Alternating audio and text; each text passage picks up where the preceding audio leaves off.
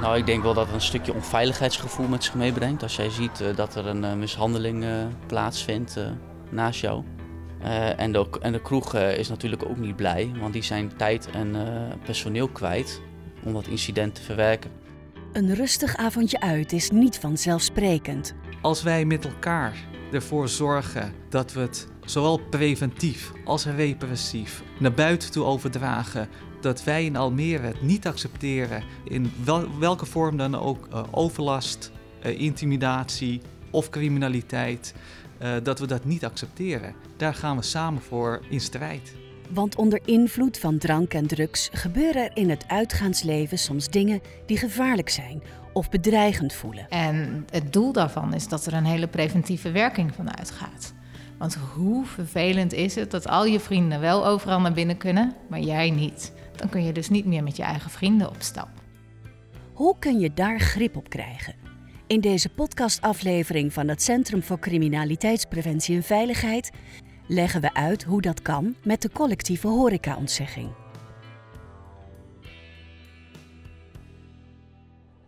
In Nederland maken we graag gebruik van het uitgaansleven. Van een bioscoop pakken tot uit eten of een avond en nacht doorhalen in een club.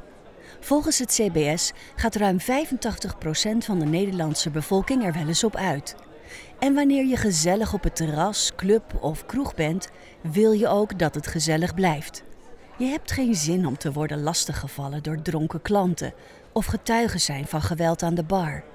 Jij wil dat, maar ook voor de horecaondernemers is de veiligheid van hun klant, personeel en zichzelf van groot belang. In een land waar ook partydrugs en drank steeds meer als normaal wordt ervaren in het uitgaansleven, brengt dat ook wel eens uitdagingen met zich mee. Hoe gedragen mensen zich? Hoe vordert iemand tijdens een avond? En uh, in 99% van de gevallen zijn mensen vrolijk en worden ze alleen maar vrolijker. En op een gegeven moment is het tijd om naar huis te gaan en dan gaan ze gewoon lekker naar huis. Ja, en in die ene procent niet. En daar, daar zijn wij natuurlijk wel um, op toegerust en daar kijken we ook goed naar. En dat monitoren we zodat we zeker weten dat we, dat we die mensen of voortijdig uh, uh, droog zetten of, um, of in het slechtste geval uit de zaak verwijderen. Want ook dat gebeurt natuurlijk wel eens. Dit is Roderick Dekker. Hij is eigenaar van twee feestclubs in Haarlem. Bugsy's en de Polar Bar. Ook hij krijgt zo nu en dan te maken met gedoe in zijn zaak. Maar, zo zegt hij, de oplossing begint met goede huisregels opstellen en je personeel goed trainen waar ze op moeten letten. Minder positieve ontwikkeling. Persoonlijk in de horeca vind ik dat er het drugsgebruik de laatste jaren echt exponentieel toe is genomen. Uh, mensen vinden dat ook een soort van normaal. Uh, er is een soort acceptatie binnen de maatschappij ontstaan. Uh, waarin het bijvoorbeeld cocaïnegebruik heel ja, geaccepteerd wordt en mensen dat helemaal niet meer raar vinden. En uh, ja, dat ook zelfs naar de ondernemer toe nog wel wordt gedaan. Zo van, nou, vind je dat nou uh, vind je dat niet oké? Is dat raar? Ja, dat vinden wij nog steeds raar. Daar hebben we ook een heel scherp beleid op. Dus een deel van de portierstaak is daarop toegespitst. Dat zij uh, mensen verwijderen die drugs proberen te gebruiken of drugs gebruiken. En dan is dat vaak op het toilet. Uh, we werken ook met toiletdame. Dus die houdt dat schoon en die houdt dat ook in de gaten. En als mensen betrapt worden um, om aanstalten te maken of al dat we zien dat ze drugs gebruiken, dan worden ze uiteraard verwijderd. En dan krijgen ze een, een, een, tijdelijk verbod in eerste instantie. En dan, nou, als er dat dan nog een keer iets, iets gebeurt dan wordt dat wat langer en bij de derde keer is het gewoon afgelopen en dan ben je niet meer welkom bij ons. Roderick mag, net als zijn horeca-collega's, gebruik maken van de individuele horecaontzegging. Hij bepaalt immers wie er niet en wel welkom zijn in zijn zaak. En een individuele ontzegging kan dus ook uitmonden in een collectieve horecaontzegging. We werken met het CAO, dat klopt. Dus dan, dan hebben we een aantal middelen. We kunnen een individuele ontzegging opleggen. Uh, dat kunnen we mondeling doen, want omdat we geen uh, openbare instelling zijn uiteraard... mogen wij de mensen toegang ontzeggen zoals wij dat willen. Daar hebben we huisregels voor, dus we kunnen mensen gewoon verbaal weigeren aan de deur. En dat kunnen we zo lang doen als dat we willen. Uh, dat staat ons vrij. Maar we hebben binnen Haarlem hebben we een aantal afspraken gemaakt met elkaar. En daar is de individuele ontzegging één onderdeel van. En de collectieve horecaontzegging is een ander onderdeel daarvan. De ene is zwaarder dan de andere. De een geldt alleen voor ons bedrijf, de individuele onderzegging. En als je een veelpleger bent, om het maar zo te zeggen, of herhaaldelijk uh, storend gedrag vertoont in de stad, dan bespreken we dat met z'n allen één keer in de twee weken. En dan uh, kan dat resulteren in een collectieve ontzegging. En dat betekent dat je bij alle aangesloten zaken niet meer naar binnen kan.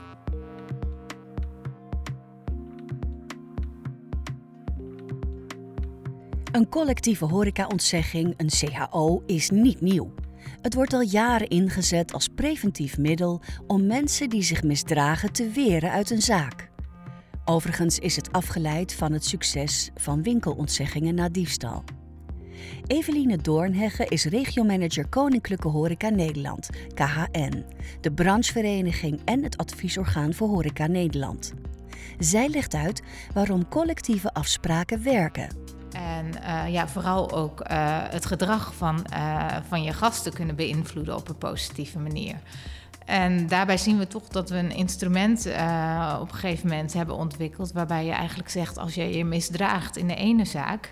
dan kun je daar natuurlijk een ontzegging voor krijgen. Dan kom je er nooit meer in. Dat, dat is eigenlijk al wel van alle tijden. Maar twintig jaar geleden zijn we volgens mij inmiddels al begonnen met zo'n collectieve horeca-ontzegging. Dat als je je bij de ene zaak misdraagt, dat het ook gevolgen heeft voor het bezoek van jou naar andere zaken. Dat je daar dus wordt geweerd omdat je toch een ernstige uh, overtreding bent begaan of je misdragen hebt. Waardoor wij zeggen van ja, in een gebied uh, no tolerance, je komt nergens meer in. Je zou denken dat iedere horecaondernemer, klein of groot, dit weet. Toch zijn nog vaak, meestal startende ondernemers, niet goed op de hoogte van wat er op dit gebied allemaal kan, zegt Eveline in het bijzonder de kleine ondernemers. Nou, dat, dat is ook echt wel een uitdaging bij dit instrument. Hè? De kleine ondernemer uh, die geen portier heeft, hè? Uh, nou, die ziet dan al vaak dat zo'n gast toch naar binnen glipt. Hè? Maar, en dan gaat het toch opvallen. En als je dan toch meedoet, dan kijk je in het systeem toch wel een keer. En dan denk je, hé, hey, verrek, die heb ik vorige week ook binnen gehad.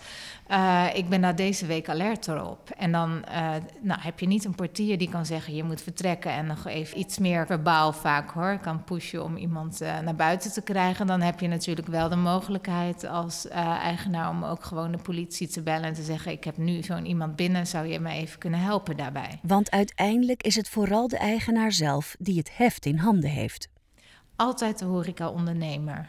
Het is echt een initiatief van uh, en voor horeca-ondernemers. Waarbij we gewoon wel met de partners, politie en gemeente het zo hebben ingeregeld dat die ook daadwerkelijk medewerking verlenen als dat nodig is. Maar het initiatief is van de ondernemer, die bepaalt wie wel en niet naar binnen kan. En, um, en, en bepaalt ook of iemand eruit gezet moet worden.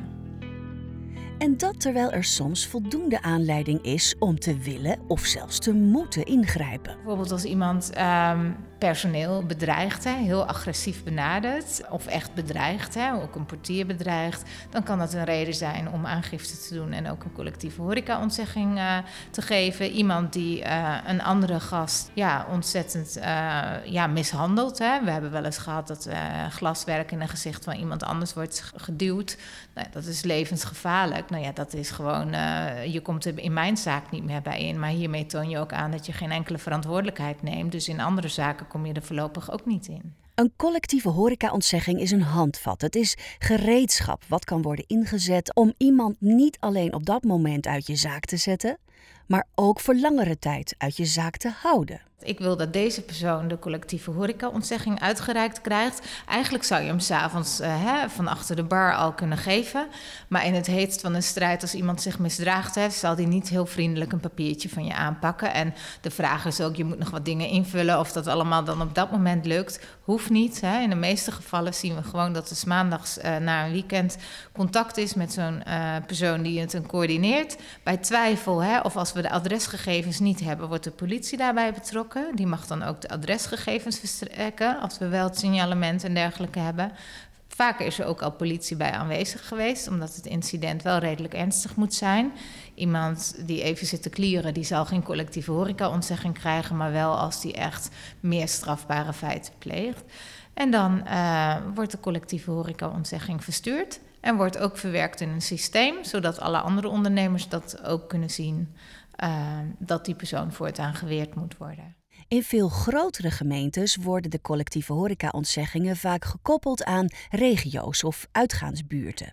Veel gemeentes die de collectieve horecaontzegging inzetten, maken met elkaar diepgaandere afspraken, bijvoorbeeld door middel van convenanten met alle betrokken partijen. Convenanten ontstaan vaak wel als er een probleem is. Zijn dan gewoon afspraken die je met elkaar maakt om de veiligheid in het gebied uh, te verbeteren. En dan moet je denken aan uh, nou ja, vervroeging sluitingstijden of een instaptijd uh, bij de sluitingstijd. Hè. Dus dat je niet meer standaard allemaal tot vier uur open bent, maar dat je tot een uur voor die tijd nog gasten mag toelaten met een uitloop tot dan die uiterste tijd.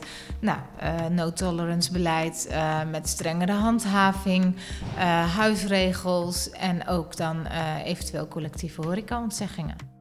Een collectieve horecaontzegging is ook een zorgvuldig proces. En de pleger heeft ook altijd de mogelijkheid om bezwaar te maken. Hiervoor is een klachtenprocedure. Een klachtencommissie zal dan oordelen of een ontzegging terecht of onterecht is geweest. En als het echt nodig is, dan is er nog een rechtsgang mogelijk en zal de rechter oordelen. Hoe zit dat precies? Als je aangifte doet, van een ernstig incident. Er zit ook een strafrechtelijke vervolging kan eraan zitten. Soms wordt het met een boete afgedaan of soms is het ja, tussen meer om daadwerkelijk uh, door te zetten voor het Openbaar Ministerie. De collectieve horecaontzegging zelf wordt wel gemeld bij de politie, wordt vaak ook onderdeel van de aangifte en het proces verbaal. Uh, maar betekent zelf niet dat dat een aantekening op je strafblad is. Nou, er wordt ook wel geoordeeld. Hè? Kijk, we mogen ook niet. Er moet ook wel een behoorlijk incident zijn om die collectieve horecaontzegging uh, te mogen uitdelen. Want je beperkt iemand in zijn vrijheid. En rechters oordelen ook wel eens uh, nou ja, of een collectieve horecaontzegging terecht is geweest. Hè? Want zij zeggen ook: het is niet de bedoeling dat private partijen op de stoel van de rechter gaan zitten. Nikos Janiels kan erover meepraten. Hij is coördinator van het politie horeca basisteam in Zwolle. Nou ja, het is niet voor niks dat wij uh, wekelijks uh, als horecateam aanwezig zijn. Dat wekelijks zijn er gewoon meerdere incidenten in de horeca. Dat is uh, alleen in Zwolle al. Het feit dat er door heel Nederland speciale politieeenheden zijn die zich bezighouden met preventie en handhaving in het uitgaansleven, zegt al genoeg. Nikos vertelt dat dit vaak gaat over deescaleren, maar dat ze vooral bezig willen zijn met preventie. Dus dat zo, ik, ik verwacht dat alle andere steden dat het vergelijkbaar beeld is. Eh, die hebben ook uh, veel een horecateam. En uh, de ene dienst is het uh, drukker dan de andere. Maar het is wel dat we wekelijks incidenten hebben. In Zwolle wordt wekelijks overlegd met diverse partijen om te praten over ontwikkelingen en incidenten. Nikos en zijn team praten dan bijvoorbeeld met gemeenten, Koninklijke Horeca Nederland, handhavers, horecaondernemers en het CCV om scherp te zijn op patronen. Maar we hebben wel situaties gehad dat wekelijks uh, ja, dezelfde personen in beeld kwamen. En dan zie je dat ze vervolgens bij uh, de ene kroeg geweigerd worden. En dan vervolgens kunnen ze bij een andere kroeg wel terecht. Omdat uh, ja, soms is die samenwerking tussen kroegen ook niet optimaal. Omdat ze bijvoorbeeld verschillende portiers aan de deur hebben staan van verschillende bedrijven. Waardoor ze niet weten van, oh, uh, die persoon is vervelend geweest in de horeca. Ja, dat komt wel voor. Nikos vertelt dat ze door goede samenwerking de politie meer slagkracht heeft als ze gebeld worden door een horecaondernemer die in de problemen zit. Dingen kunnen nu eenmaal snel escaleren als je niet ingrijpt. Een recent voorbeeld van, uh, nou dat is nog geen twee weken geleden bijvoorbeeld, is dat er een, uh, een gast in een kroeg binnen is en die zich vervolgens gaat misdragen. En dat kan bijvoorbeeld zijn, in dit geval was het dat hij zelf bier ging tappen. Dus die, die, die ging zelf achter de bar staan tijdens een drukke uitgaansavond in een danscafé. Die gaat dan zelf aan die tap zitten met zijn bierglas. En dan, dan wat je dan meestal ziet is dat een persoon wordt aangesproken. En als hij dat vaker doet, dan willen ze hem uit de horeca hebben. Eigenlijk kun je zeggen, het is een soort een vorm van diefstal. Uh, een baldadig gedrag, ja, noem, geef het een naam. Nou, in dit geval was er dan een portier, die krijgt dan een seintje van de, de, de barmedewerker. We hebben een persoon binnen die is vervelend, we willen hem uit de kroeg hebben. Uh, nou, de portier ging op dat moment naar binnen toe om die persoon naar buiten te brengen. En die persoon die was daar niet van gediend. Die wilde niet meewerken om naar buiten te gaan. Dus dat werd uiteindelijk, moesten de portier hem fysiek meenemen naar buiten toe. Want stel je voor, het is er druk en daar lopen vrienden rond van de gast die vindt dat diefstal en baldadig gedrag een goed idee is. Zo'n situatie straalt dreiging uit voor personeel en voor de gasten. Als je niet scherp bent, kan een dreigende situatie snel uit de hand lopen. Uh, nou, ze waren in dit geval met z'n tweeën en ze wisten die persoon wel naar buiten te krijgen. Maar hij was wel behoorlijk vervelend en uh, opstandig. Waardoor hij zelfs een uh, portier geslagen had, een vuistslag gegeven had. Waardoor hij eigenlijk een mishandeling kreeg. Waarvoor ze hem wilden aanhouden om aan ons over te dragen voor die mishandeling. Nou, enig moment later komen wij daar en wij kunnen op een later moment die verdachte aanhouden, want die was er vandoor gerend. Nou, dat zijn wel situaties wat voorkomt in de praktijk. Als je dat dan wil koppelen aan zo'n ontzegging, vaak weet een portier of een horecaondernemer niet wie die persoon was. Deze situatie met een ernstig vergrijp was aanleiding om over te gaan op een horecaontzegging, zodat deze persoon niet langer welkom is in de horeca. De politie doet veel om de horecaondernemers daarbij te helpen. En dat zijn wel situaties. Nou, hij heeft, is vervelend geweest binnen. Hij heeft zelfs een medewerker van je mishandeld. Nou, dat zijn behoorlijk ernstige vergrijpen. Dus er wordt aangifte gedaan en wij doen er onderzoek naar. Maar je wil als ondernemer die persoon niet meer binnen hebben kan ik mij in ieder geval voorstellen. Nou, in dat geval kunnen wij als politie gaan ondersteunen om die gegevens uh, te verstrekken onder bepaalde voorwaarden. Nou, dit is dan best zo'n heftig vergrijp. En dan hebben wij de bevoegdheid om uh, persoonsgegevens uh, in die app te verwerken, als mede de foto van de verdachte. Terug naar Roderick Dekker, eigenaar van twee nachtclubs in Haarlem. Hij is een van de voorvechters van de collectieve horecaontzegging en werkt nauw samen met het CCV. Ja, heel plat gezegd, de, de, de IHO, dus de individuele ontzegging, kan je zelf versturen. Uh, verstuur je ook op je eigen briefpapier en uh, die gaat wel in de, in de database. Dus waarin dan kunnen wij dus wel zien van, hé, hey, die heeft al een keer een IHO bij iemand anders gehad. Met de collectieve ontzegging kan die ook in één keer opgelegd worden, maar daar moet de vergadering over stemmen.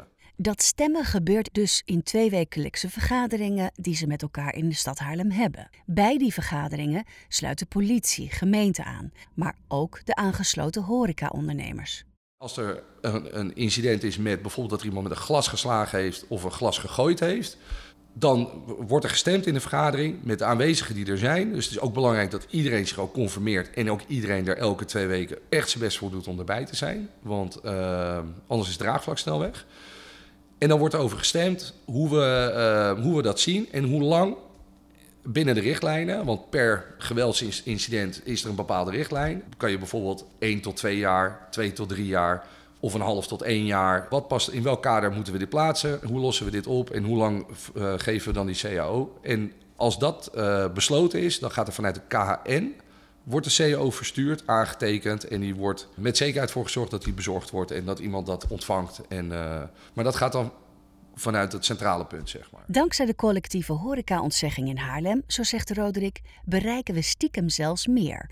Want je spreekt je collega's, die ook je concurrenten zijn vaker. Je kunt meer bruggen slaan dan je dacht. We kunnen ook meer afspraken maken om collectief dingen te doen. Bijvoorbeeld gezamenlijke inkoop, het organiseren van evenementen. En dat allemaal naast het feit dat de collectieve horecaontzegging ons beschermt.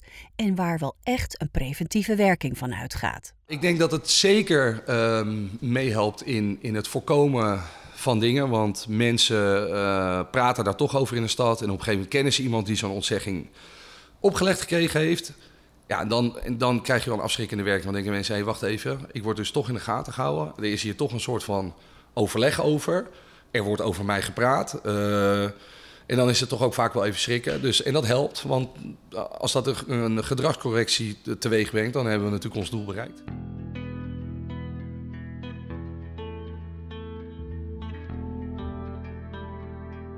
In de gemeente Almere hebben ze een dergelijke aanpak als in Haarlem en met succes. Ibrahim Isezer is veiligheidsmanager bij de gemeente Almere. De rol van de gemeente, zo vertelt Ibrahim, is vooral coördinerend en anticiperend. Helaas uh, gebeuren er bij ons ook wel uh, bepaalde incidenten. Wat ik belangrijk vind, hè, uh, vooral bij wapensgebruik of, of, of als iemand een wapen of drugs bij zich heeft, om daar als, uh, ook als uitsmijter van zo'n bedrijf, om daar goed mee uh, om te gaan. En goede samenwerking te zoeken van, met de politie. En ook in Almere helaas uh, gebeurt dat. Maar proberen we ons zowel met de convenant als met correctieve horecaontzegging... proberen we ons het zoveel mogelijk te voorkomen. En daarmee geef je ook signalen af naar anderen. Als gemeente willen zij proactief op de hoogte zijn en blijven van ontwikkelingen in de stad en zeker als het gaat over de veiligheid. En dat zal iedere gemeente willen. In Almere sturen ze met name op eenduidigheid in regelgeving, zodat samenwerkende partijen snel kunnen reageren op situaties. De inzet van een collectieve horecaontzegging is daar een belangrijk onderdeel van geworden. Ondanks hebben we ook onze uh, maatregelenmatrix, hebben we het collectieve hoorwerkerontzegging uh, aan toegevoegd. Of daar zijn we mee bezig, omdat we denken dat dat een effectieve maatregel is die we kunnen inzetten om uh, zo de overlastgevers te kunnen weren met elkaar. Voor hen betekent dat dus ook, of misschien wel met name, dat ze wekelijks overleggen hebben met diverse partijen binnen de stad. Nou, we hebben in Almere hebben een goede samenwerking tussen uh, betrokken partijen in het veilig uitgaan. En ook de drempel om uh, met elkaar contact te hebben is ook erg klein in Almere. Dat komt ook omdat we in onze convenant hebben opgenomen en diverse overlegstructuren hebben. Met vaste uh, aanspreekpunten, zowel bij de politie als bij de gemeente, als bij uh, ondernemersvereniging Almere en de Koninklijke Horeca. maakt die drempel ook erg laag voor ons. Het werd al eerder benoemd. Afspraken maken met diverse betrokken partijen is één. Maar dan is er ook nog de wet op de privacy. Hoe bewaak je de rechten van degene die zich misdraagt op zo'n manier dat je wel kunt blijven handhaven als het moet, maar ook dat de AVG gehandhaafd wordt?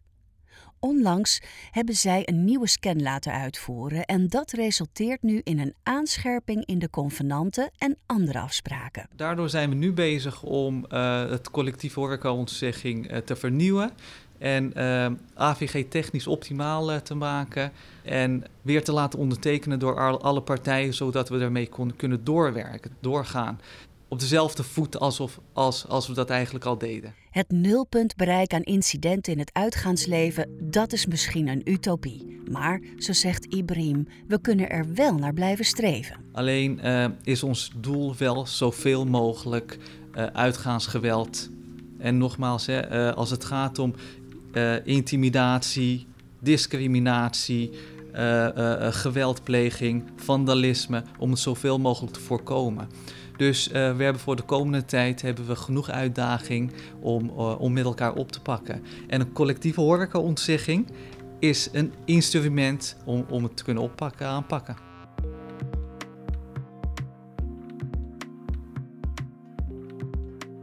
Ik denk dat je als horecaondernemer moet je super stevig in je schoenen staan. Het is natuurlijk niet altijd makkelijk. Er, zijn, zeker in de nachthoreca, heel veel situaties denkbaar. En die ik persoonlijk ook echt wel in het verleden heb meegemaakt. Van uh, doodsbedreigingen tot andere dingen. Mensen die het gewoon of door drank of door emoties of andere problemen die ze hebben, die dan door alcohol zo hoog in de emotie komen dat ze dat gaan ventileren en dat ze dat dan gaan afreageren. En dan kan je als ondernemer personeel, medewerker, kan je daar gewoon slachtoffer van worden. En uh, ik denk dat het heel belangrijk is dat je daarin altijd uh, je hak in het zand zet en, en, en zegt van oké, tot hier en niet verder.